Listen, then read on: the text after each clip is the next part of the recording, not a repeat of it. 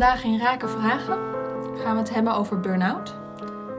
En allerlei andere, ja, eigenlijk uh, stoornissen, ziektes die gecreëerd worden in de, de huidige tijd. Dus je hebt ook een bore-out bijvoorbeeld, of andere depressies. Uh, van alles wat ook te maken heeft met, uh, met werk. Want het valt me op dat er heel veel mensen daarmee te maken krijgen gedurende de je leven. Dus wanneer je net uh, begint met werken of wanneer je al een tijdje aan het werk bent en er van alles op je bordje wordt gegooid. En ja, de vraag is dus eigenlijk ook van hoe komt het dat er zoveel mensen zijn die daar, daar tegenaan lopen? En die overspannen raken en dus in de ziektewet uh, terechtkomen. En is daar iets uh, in de ontwikkeling van de tijd over te zeggen? Oké, ja. Nou, eerst misschien iets over burnt out en verschillen daarin. Ik herinner me dat ik toen ik nog bij de Raadbank werkte en daar het aantal vrouwen, jonge vrouwen burnt out raakte, de bedrijfsarts naar me toe kwam en zei: Wim, ik begrijp dit niet meer. Er is een explosie aan de gang van vrouwen die het niet meer redden. En ik weet niet wat ik eraan kan doen en wat we er in onze organisatie aan moeten doen. Heb jij een idee? Toen bespraken we wat er dan zo al speelt bij jonge vrouwen. En ja, dan was al toen duidelijk dat ze uh, moeder waren, een goede partner wilden zijn, een carrière nastreefden, een goede dochter wilden zijn voor hun ouders, uh, dat ze een goede vriendin wilden zijn. Nou, als je het helemaal bij elkaar optelde, mm -hmm. dan was het ontzettend duidelijk dat ze werden opgehangen in een normatief kader waar ze aan moesten voldoen, kwamen nauwelijks toe aan zichzelf en raakten door hun energie en mogelijkheden heen. Ze hadden geen tijd meer voor zichzelf. En raakten dan echt burned out. Waar het woord voor staat. Je bent uitgebrand, je hebt geen energie meer. Als je nu kijkt wat er aan de hand is, dan ziet het er wat mij betreft heel anders uit. Je ziet nu dat heel veel mensen, en heb ik het niet eens over jonge vrouwen, maar heel veel mensen, in een situatie zitten waarbij ze ervaren dat er iets niet klopt dat ze het gevoel hebben dat ze worden opgebruikt, dat ze niet hun gang kunnen gaan, dat ze dingen moeten doen die niet bij hen passen. Maar ze hebben er geen woorden voor en ook geen begrippen bij. Dus ze, ja, ze zijn bezig om zich te controleren, om zich aan te passen aan de omgeving, terwijl die omgeving eigenlijk niet klopt. Maar ze hebben geen verweer ertegen, lijkt het.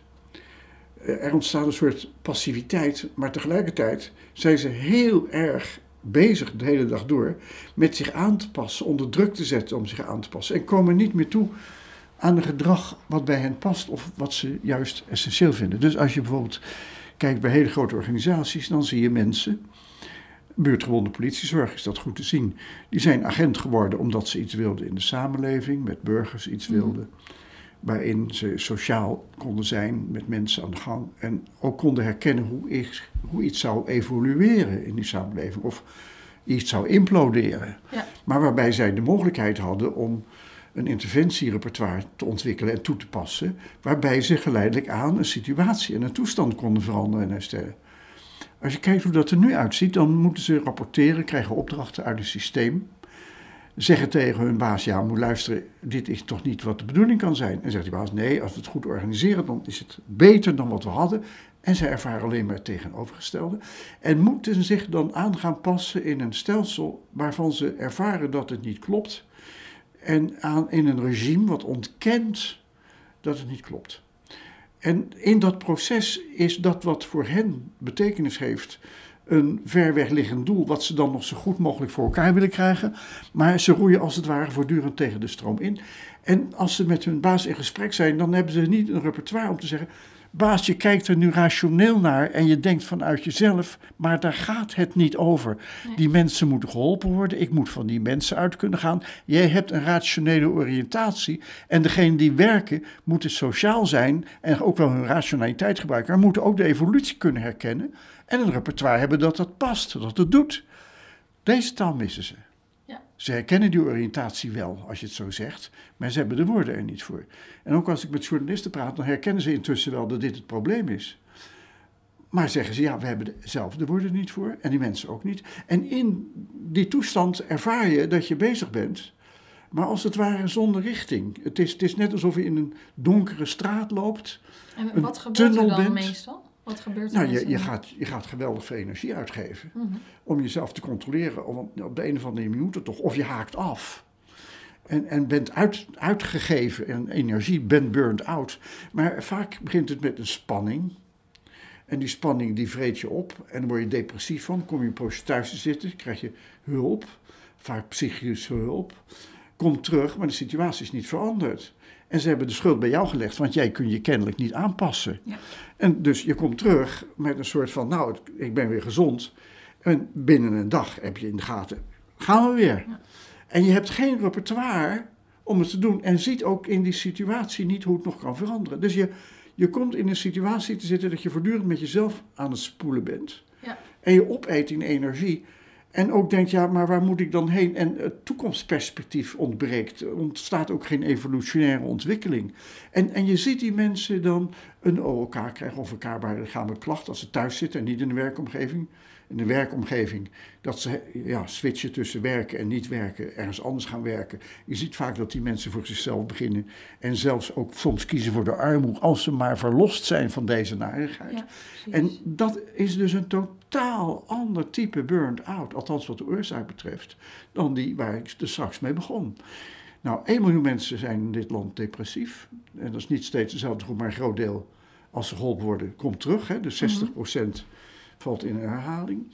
Je ziet mensen een OLK krijgen en de arts weet hier ook geen raad mee, heeft ook niet oriëntaties leren herkennen. Laat staan dat die twee. Het gaat dan zeggen, ja, je moet ermee zien om te gaan, weet hij veel. Hè? Coping heet dat dan.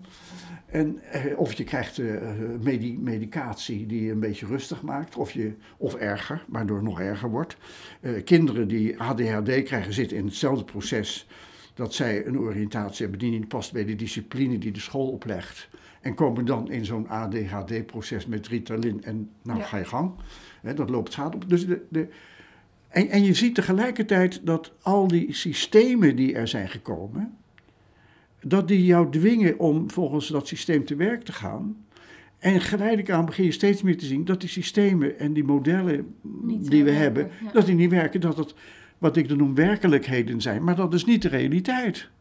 En, en je, je ziet dus op enig moment dat als je van die realiteit uitgaat, dan loop je tegen die werkelijkheden op en dan moet je die realiteit omvormen naar de werkelijkheid. Dan denk je, zij is nou helemaal van God los. En als je, als je eh, eh, van die werkelijkheden uitgaat, dan doe je het misschien wel goed volgens de systemen en die werkelijkheden. maar maar- daarbuiten. Maar daarbuiten ben je niet effectief. Dus je, je zit in zo'n situatie dat ze vertellen hoe je moet werken, doen het ook dwangmatig. De toezichthouders en de wetgever en de inspectie en de banken en ga zo maar door. Verzekeraars. Je wordt geholpen in die methodologie. Je voelt dat het niet klopt. Je kunt het moeilijk onder woorden brengen. eh, wat er nou aan de hand is. Dat leer je dan bij ons in leergangen. Hè? Oriëntaties herkennen, hoe ze de definitie van de situatie veranderen en verkeerd inrichten. Hoe je werkelijkheden kunt herkennen en onderscheiden van de realiteit. Hoe je herkent wat je daar wel en niet in kunt veranderen. Hoe je je eigen richting kunt zoeken. Wat toekomstperspectief geeft. En ja, daar hoor je, daar zo'n taal bij die je dan tot je beschikking krijgt. En heel veel mensen, ik geloof jij zelf ook, Merel, hebben al ervaren dat als je mensen die daarin zitten begint te vertellen over hun oriëntatie en wat ze meemaken, dat je, dat je al herkent Ja, er hoeveel ruimte dat geeft en Ja. dat het op zijn plek valt. Ja. En het is dus therapie in de vorm van dat je gaat herkennen wat betekenis voor je heeft, hoe dat je ziek maakt als je dat niet kunt volgen. Je herkent ook hoe je die oriëntatie van de ander niet kunt aanpassen of veranderen. En kortom, er is een wereld ontstaan die vol staat van werkelijkheden, die op gespannen voet staat met de realiteit. Maar die we doen alsof het realiteit is. De Den Haag, de regering doet niet anders, de Tweede Kamer doet niet anders. Kijk naar wat ze nu het regeerakkoord noemen, vertrouwen in de toekomst. Ja, het is niet te geloven hoe je het uit je mond kunt krijgen als je kijkt waar ze met elkaar zitten. En mensen vertrouwen dat dus ook niet, zeggen dat dan ook. Ja, Je, je ziet dat het onder woorden brengen, dat ze de evolutionaire mogelijkheden van mensen verkwisten. Dat ze de ruimte van mensen opsoeperen. Dat organisaties verkeerd worden neergezet. Dat ze dat niet onderkennen en op diezelfde weg doorgaan. En dan is de enige uitkomst dat je met geld aan de gang gaat. En alles in geld gaat uitdrukken, wat je nu ook in het regeerakkoord ziet. En op enig moment gaan dan mensen zeggen, nou is dat welletjes. En dan krijg je brexit-achtige processen. Nou, dat is de toestand waarin we zijn. Ja. En de burn-out van deze tijd staat dus niet zozeer voor die mensen zelf dat ze niet deugen of zo. Of incompleet zijn of uh, tekortschieten. Maar het is de omgeving waarin ze niet meer terecht kunnen en die ziekmakend is. Dankjewel, Wim.